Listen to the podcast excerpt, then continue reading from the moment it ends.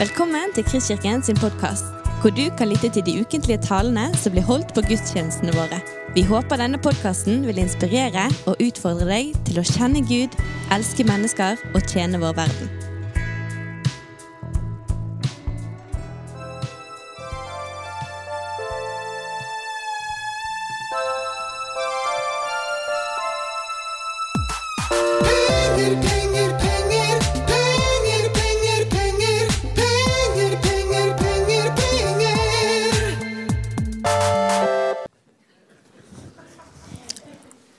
Gleder meg til å spille av den, for å si det sånn.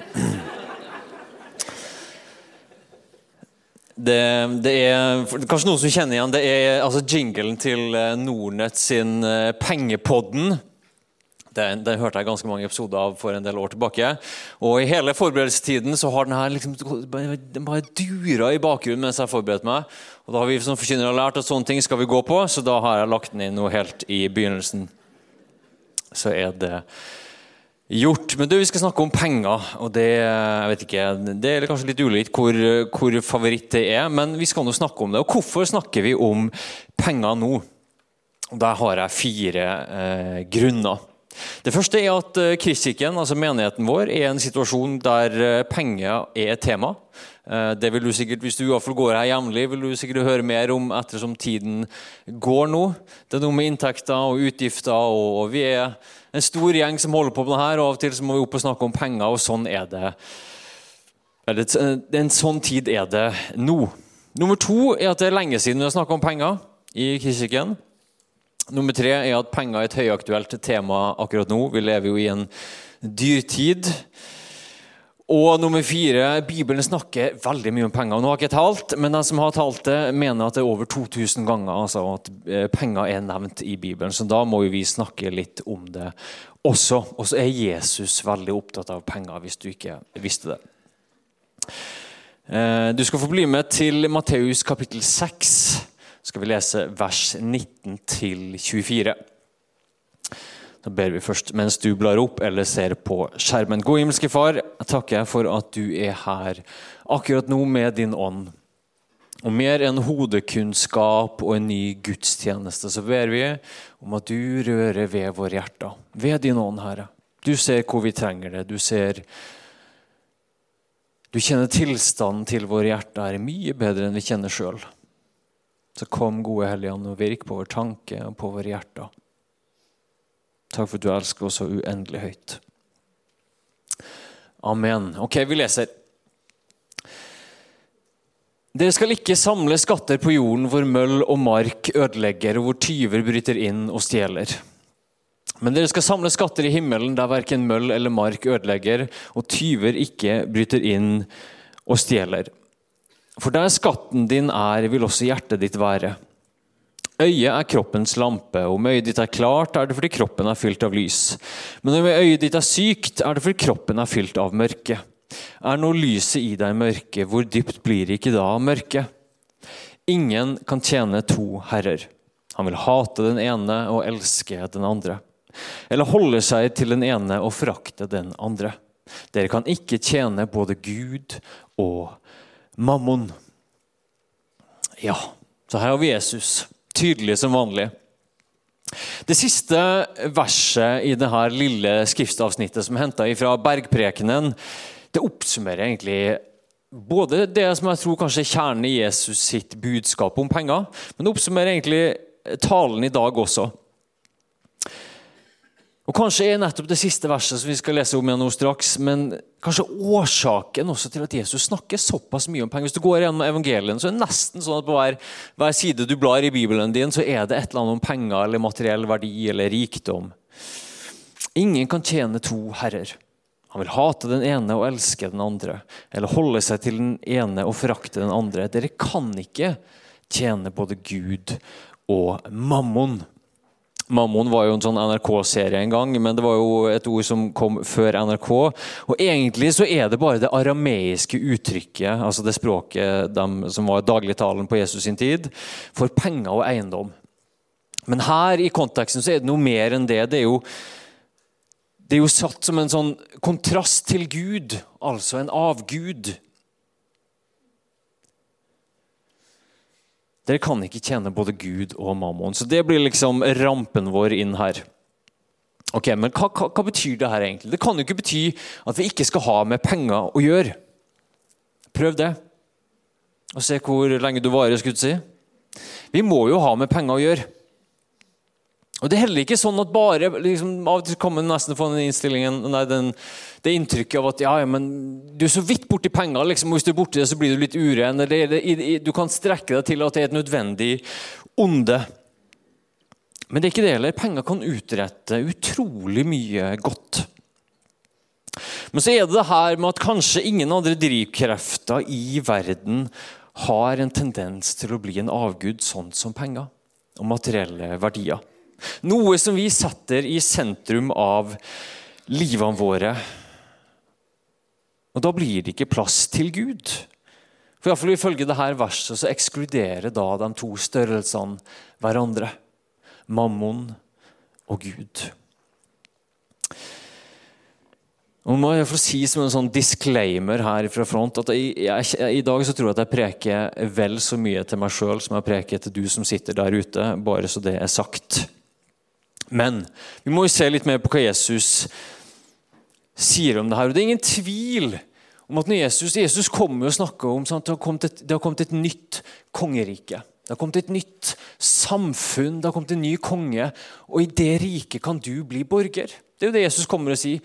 Omvend dere, fordi Guds rike er kommet nær. Ikke bare en gang i framtiden, men her og nå. Det finnes en ny konge, og du kan være borger av et nytt rike som har andre lover, og som er basert på andre ting.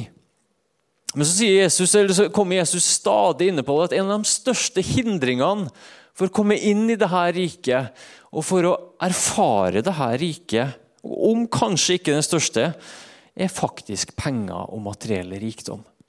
Det er litt tøft å høre for eh, nordmenn i kanskje ikke 2023, men iallfall i 2021. da. Vi føler oss kanskje ikke så rike lenger.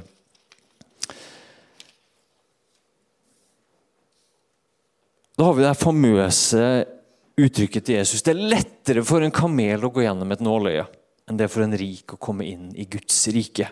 Lukas 18. Det er jo ganske drøyt. Det var jo så drøyt at de som hørte det, ble jo nærmest sjokkert. I alle dager, Jesus, hvem skal da bli frelst? Heldigvis så legger Jesus på den her da, at for mennesker så er det ikke mulig, men for Gud er alt mulig. Så fjo, sant? Eller du har den her, Når Jesus forteller lignelsen om de her såkornene som blir sådd, sant? så er det noe som blir sådd langs veien, noe, noe på steingrunn osv., og, så og noe i god jord.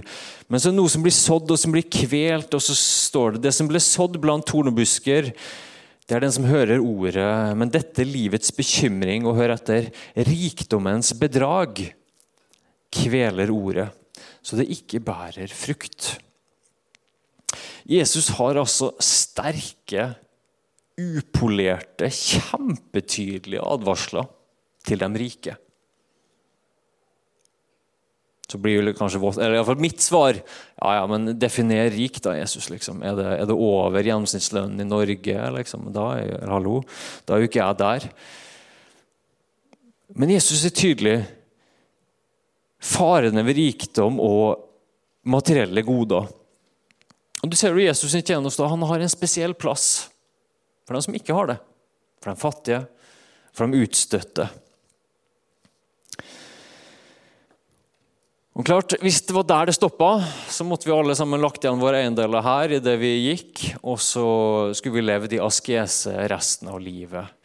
Og Noen i Nytestamentet blir jo utfordret på akkurat det, å faktisk gi det de eier til de fattige. Og Masse av munkeordenen i kirkehistorien var inspirert av nettopp det. Sant? Å gi opp det man eide, for å vinne noe som var større. Men så er ikke det likevel hele bildet. og Det er ikke, det all, det er ikke alt Jesus har å si om penger. For det er jo sånn, Noen prøver jo å si det her om at Jesus var den første kommunist. Eh, litt sånn at Karl Marx han så jo egentlig til Jesus. Du, du har noen helt legitime paralleller der, men Jesus var ikke den første kommunist. for Vi kan ikke så enkelt sette han i bås. Jesus har et mer hva skal jeg si, sofistikert forhold til penger. For Det er ikke alt Jesus sier om penger. For Selv om Jesus har de sterkeste advarslene mot penger og materiell rikdom, så er han ikke ensidig. Som jeg sa, Han er ikke så lett å sette i bås. Det er jo litt sånn typisk. Det er heller ikke sånn at Jesus hater penger og går rundt og pisker de rike. Eller at han bare henger med de fattige. Jesus henger også med de rike. Han ligger til bords med rike fariseere. Han har velstående kvinner i sitt nærmeste følge, som det står, hjalp Jesus og de tolv med alt det de eide. Altså ikke det disiplene eide, for de eide ikke så mye, men det kvinnene eide. Det er interessant at det var kvinner også. Jesus forteller også lignelser om klok bruk av den urettferdige mammon. Om forvaltninga, til og med om avkastning. Et så skittent ord, kan du tenke deg. Og så har vi denne lignelsen om tjenerne som får utdelt hver sine talenter. og da var ikke talent, Selv om vi, vårt ord for talent er liksom gaver, og sånn, det, det, er kanskje det som er liksom, den viktigste tolkningen i lignelsen, så bruker likevel Jesus et tydelig språk om penger. En talent var jo mye penger. Og De fikk utdelt hver sin mengde med talenter. Og hva fikk de i oppdrag om å gjøre? De skulle dra på markedsplassen. De skulle kjøpe og selge, eller oversatt til vår kontekst, de skulle dra på børs. Kjøpe og selge på børs for å øke formuen til sin herre. Og De som fikk mest avkastning, kanskje tok mest risiko, jeg vet ikke, det var de som fikk mest skryt. Men han som bare satte pengene sine i den dårligste banken med dårligst rente, han fikk skikkelig kjeft. Og bare for å si det sånn, ett talent tilsvar, altså i dagens sum er flere millioner kroner. Og Et annet aspekt ved Jesu tjeneste som jeg synes vi skal ta med oss når vi tenker på det her med liksom perspektiv på penger, ja, for vi skal la oss inspirere av Jesus, og det bør vi jo kanskje Jo, at Jesus, Det er sånn, noe sånn vi ikke helt får tak på, men det er en sånn merkverdig overflod av og til med Jesus. Én ting er liksom helbredelsene og at det flyter over av, av helse og gjenopprettelse. Men, men, ta det første underet til Jesus. da. Det første Jesus gjør av et såkalt under, det er det bryllupet i Kana. Jesus morer seg sikkert og, og, og, og, har det flott og fint sant, på bryllupsfest. Men så får han beskjed om at de har gått tom for vin. Og Det er ikke sånn at Jesus bare lager sånn at alle får et glass til. Og ikke bare to glass til heller. Altså, Jeg har prøvd å regne på det her, her må jeg skylde på Google, også, men jeg prøvde å regne om liksom, for det var jo seks sånne renselseskar og hvor mye som er oppi det osv. Men ifølge i Google og mine beregninger så lager da Jesus 400-500 liter med ny vin. Altså, hvor er nøysomheten Jesus? Gudsfrykt det må vi anta at Jesus hadde, men, men, men nøysomheten Kjære deg, Jesus, sånn sløseri, altså. Herlighet. 400-500 liter med vin for folk som allerede hadde drukket. Eller ta matundrene, da. Tusenvis av mennesker har fulgt Jesus øh, hele dagen og kanskje flere dager, og nå trenger de mat. Og Du kan jo føle angsten og bekymringa til disiplene sive gjennom Bibelen når du leser det. sant? Nå begynner det å bli kveld, de trenger mat. Hva vi har? Ja, Vi har matpakken til en gutt. Noen brød og noen fisker. og De begynner med liksom sånn enkel hoderegning. ok? Eh, fem brød, to fisker, 5000 menn, 5000 kvinner, 10 000 barn. Altså, Det her går ikke opp. Og vi må bare sende dem vekk. Og De gjør det helt logiske og realistiske. Vi har ikke nok. Her er det mangel. Budsjettet er ikke i balanse. Og Så er det jo som at Jesus kommer fra en annen planet. Når han gir dem gutten sin matpakke og sier at de skal gi dem mat. Du må i hvert fall si at Jesus har et alternativt blikk på ressurser og på økonomi. Enten så er han helt dum, eller så har han et overflodsperspektiv midt i akutt mangel. Så står det at alle spiser seg mette.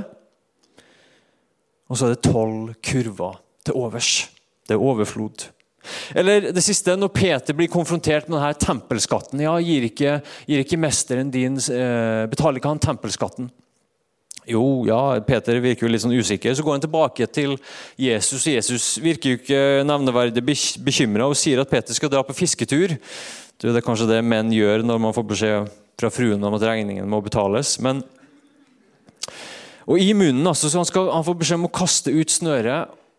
Og Det første fisken han drar opp, der skal han finne en sølvmynt akkurat nok til å betale skatten for Peter og Jesus.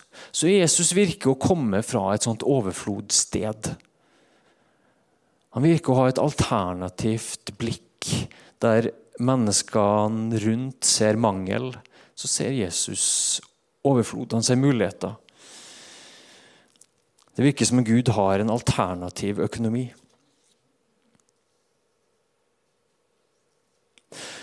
Ok, Så Jesus er ingen kommunist. Men Jesus er heller ingen kapitalist. For når Jesus snakker om, altså Uansett hvor mange rike venner Jesus hadde, og antageligvis var tjenesten til Jesus helt avhengig av de her rike damene. Eh, hun ene var for øvrig gift med forvalteren, altså forvalteren til Herodes, så det var nok ganske mye penger i omløp. Men når Jesus snakker om sann rikdom, så snakker han om å være rik i Gud. Og For å gjenta meg sjøl igjen Når Jesus forkynner at det nå finnes et nytt kongerike, så er jo det her Guds rike har kommet nær et alternativt rike dere kan være borgere i. Så finnes det da på en eller annen måte Guds alternative økonomi. og Da mener jeg ikke sånn at man går rundt med lekepenger og, og liksom tenker at man lever på luft og kjærlighet og tro, og, og, at alt det der går opp. For vi har jo alle regninger som må betales. Men likevel, det finnes en alternativ økonomi. Og den Økonomien er bygd på noe helt annet enn den økonomien som vi omgir oss med hver dag. Det er noen som har sagt det sånn at Drivkreftene i økonomien i dag, i hvert fall hvis du ser til børsen, det kan ikke egentlig reduseres til to ting. Det er frykt og grådighet. Og så ligger man og veksler mellom det her. Ja, frykt og grådighet. Frykt og grådighet. Det reduseres egentlig til kjøttets mest sånne basale drifter. Frykt har jeg nok for i morgen? Eller grådighet hvor mye kan jeg kjøpe? Guds alternative økonomi derimot bygger på tillit og sjenerøsitet. Tillit til Gud, ikke til markedet, ikke til sentralbanksjefen, ikke til jobben. Salmisten sier at jorden og det som fyller den, hører Herren til verden om de som bor der, er hans. Så Det må være den første liksom, sånn, forutsetningen for å se noe av hva som er Guds tanke og Guds økonomi. At det er jo ikke vårt. Det er jo ikke staten sitt engang. Alt tilhører Gud, han som er skaperen. Og ikke bare med det, ikke bare at er han skaperen og alt som vi omgir oss med, både, både liksom lønnsslippen som kommer i hendene våre, og alle ressursene vi har rundt oss. Ikke bare tilhører alt det Gud, men han er også vår far og vår forsørger, er Jesus veldig opptatt av. Nå leste vi det verset, eller Den versen vi leste i begynnelsen, er jo fra Bergprekenen. Hvis du tar med oss noen flere vers fra Bergprekenen, nå kan du bare lytte, sant? du kjenner dem sikkert. Når Gud kler gresset på marken så fint, det som gror i dag og kastes i ovnen i morgen, hvor mye mer skal han ikke da kle dere, dere lite troende? Så gjør dere ikke bekymringer og si ikke 'hva skal vi spise', eller 'hva skal vi drikke', eller 'hva skal vi kle oss med'? Alt dette er hedningene opptatt av. Men den far dere har i himmelen, vet jo at dere trenger alt dette. Søk først Guds rike og hans rettferdighet, så skal dere få alt det andre i tillegg.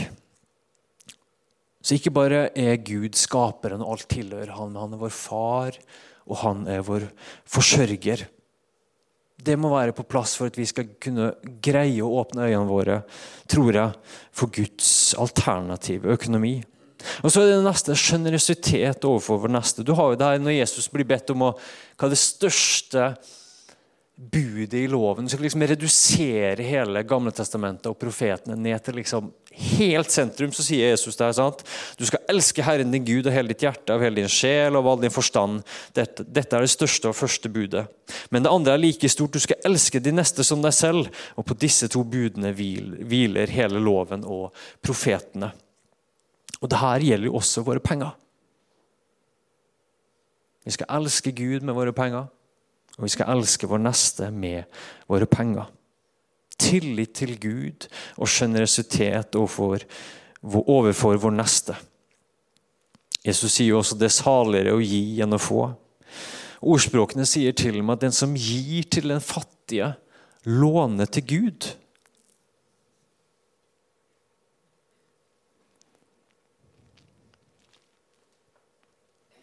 Ok, håper du fortsatt henger med. Vi skal dra inn litt tråd her. Jesus, altså som vi så, har tydelige advarsler. Hva med å si oss, oss rike. Selv om det sikkert er stor forskjell på oss også som sitter her inne, eller som hører på. For vi blir så fort fanga av rikdommens bedrag. Jeg blir så fort fanga av rikdommens bedrag, selv om vi ikke får monsterlønn i Kristkirken. Samtidig så står Jesus for overflod på en eller annen merkelig måte. Jesus oppmuntrer oss også til å være kloke med pengene våre. Søke avkastning. Bruke penger som et verktøy for det gode. Her vil jeg bare smette inn. Det er en, det er en interessant setning i 5. Mosebok som handler om at at Herren har gitt deg kraft til å vinne rikdom. Altså, det er ad, det er liksom en sånn oppmuntring slash advarsel som israelsfolket får før de skal innta det lovende landet. Der står det at, at du, altså Parafrasert Thomas Dalsbø, men du som har fått kraft til å vinne rikdom, vit at det ikke kommer av deg sjøl, men av Gud. Jeg opplevde jeg skulle si til noen her inne, jeg tror noen som enten står i det, eller som kjenner på det, eller som, som ja, du får bare ta det til deg, men som, som, har fått en sånn evne og kraft til å vinne rikdom. Og det skal du ikke skamme deg over. Og det skal du heller ikke begrave. Eh, det skal du gå etter. Kristenfolket trenger masse mer penger. Men vit at også det er fra Gud, ikke fra deg sjøl. Ok, nå sporer jeg av her.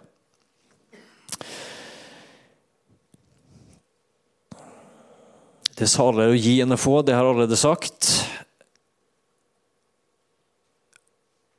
Penger som verktøy for det gode. Men dypest sett da, så utfordrer Jesus oss på hvor vår virkelige skatt ligger. Har Gud størst verdi, eller er det bankkontoen og eiendelene våre? Og For å sitere Jesus igjen, for der skatten vår er, der vil hjertet vårt være.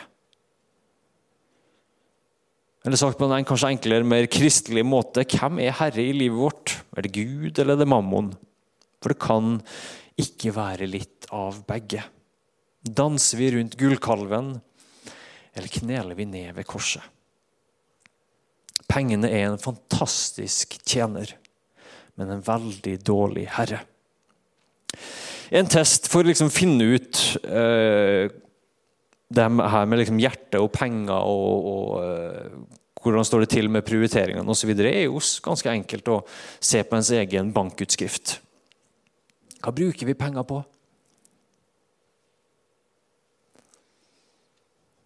Den er jo litt ubehagelig, jeg kjenner det sjøl. Eller en annen test. Når vi en gang ligger på dødsleiet, som vi alle vil en gang, vil vi da føle oss rike eller fattige? jeg prøver jo, Når jeg er på, på, på gravplasser, sånn, så prøver jeg jo å, å, lese det som står på denne gravsteinene. Eh, og det er jo veldig interessant at det er ingen som setter årslønnen sin på gravsteinen sin. Eller det er ingen som setter på sin egen gravstein, men får familien til å gjøre det. Eller noe sånt som Han kjørte alltid den nyeste BMW-en.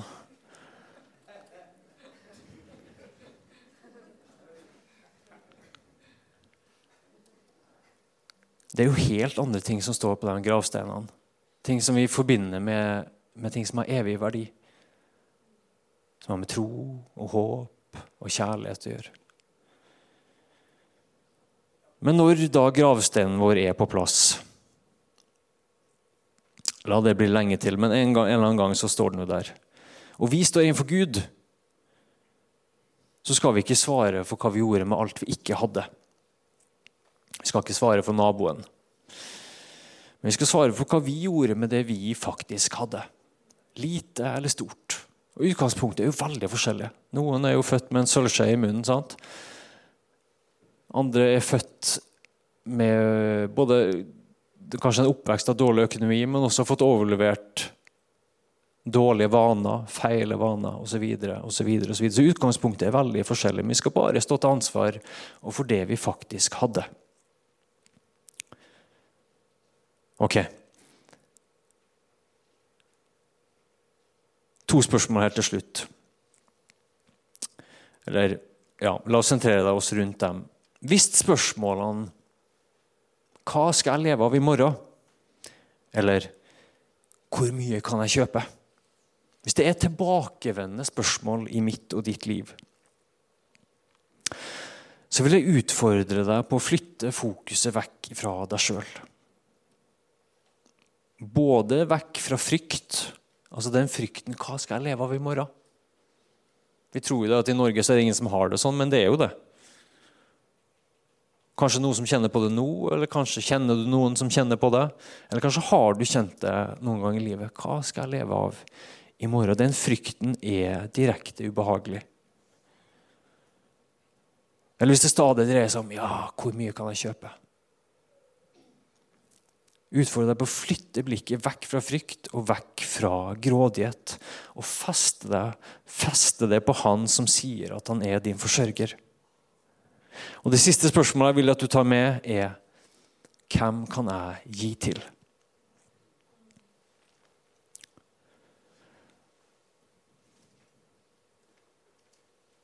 Du skal få reise deg. Skal vi gå inn for landing?